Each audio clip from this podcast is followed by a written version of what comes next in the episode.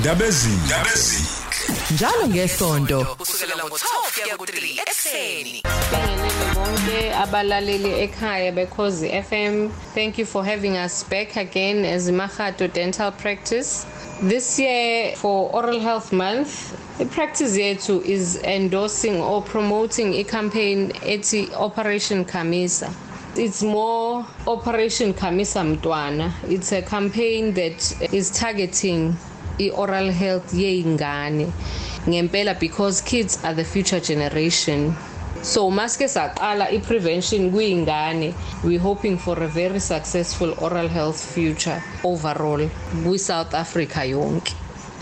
In this way sithi mzali ekhaya sicela ukuthi each and every day i-chance oyitholayo at home mawubuya emsebenzini ekseni a chance you get with your child. Please sicela ukhamisise ingane and check ukuthi kuyenzakalani emlomeni. Sithi ngaleyo ndlela leyo sifuna ukwazi ukuthi angeke na ube provoked ukuthi uthi mase soyikhamisisile ingane uma ngabe khona into oyibonayo emlomeni ngeke kukuhluphe ukuthi ithi ngihambe ngiye kudokotela ngiyobuza ukuthi yini ke le sengiyibona manje. Kwesinye isikhathi uzothuthi uthi uyayikhamisisa ingane kanti uzothola ukuthi ingane isinensini evuvukele or sekunembobo oyibonayo laphaya ezinyweni or but i'm definitely sure ukuthi lowo mlomo lo mase sowukhamisisa ubona into ehlukile kulokho okubona ngathi ku-right you will be forced to go and seek i-treatment and asiboneni ukuthi uma sifika kuloyo dokotela are we not educating ourselves more nge-oral health? Sesiyacela nje ukuthi sifuna ukumove away from i-generation yabazali whereby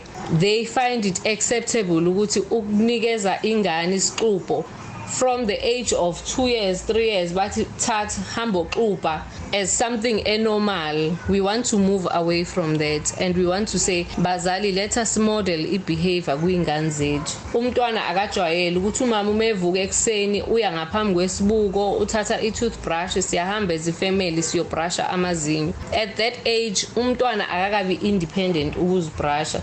I-independence ngokwe-oral health 12 years ukuya phezulu sesithi lowo mntwana loyo use-right usungamdedela usumfundise yonke into ngokuthi kuxutshwa kanjani. But if sijwayeza abantwana bethu at a young age ukuthi sibanika iy'xubho definitely lowo mntwana loyo umnikeza something eforeign angayazi angayijwayelanga.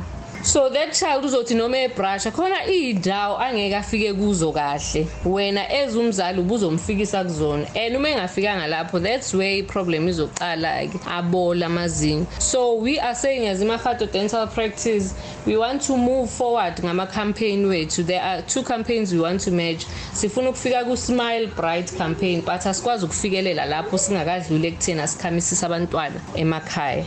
So i-operation khamisa operation vula umlomo mntwana it's really very important and siyathanda ukuthi from now on people must support it. Let us open imilomo yabantwana bethu siba-check. Asimove away from ekutheni umntwana phethe izinyo uyamthatha umntwana umbamba ngesandla umlethe ekliniki uma efika umntwana ekliniki yiliphi izinyo eliphethe umntwana? Nawe mzali awazi uzwe nje umntwana athi uphethwe izinyo. You didn't even bother to check emlomeni ukuthi lo mntwana unani.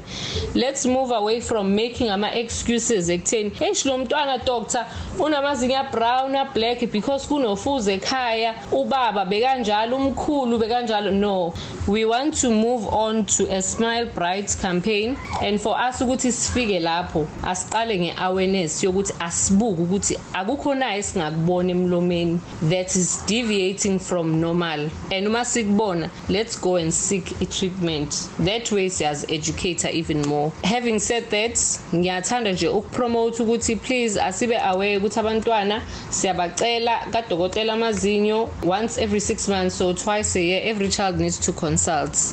At least whether kune-pain or not bring the child forward and let us consult the child. Thank you so much.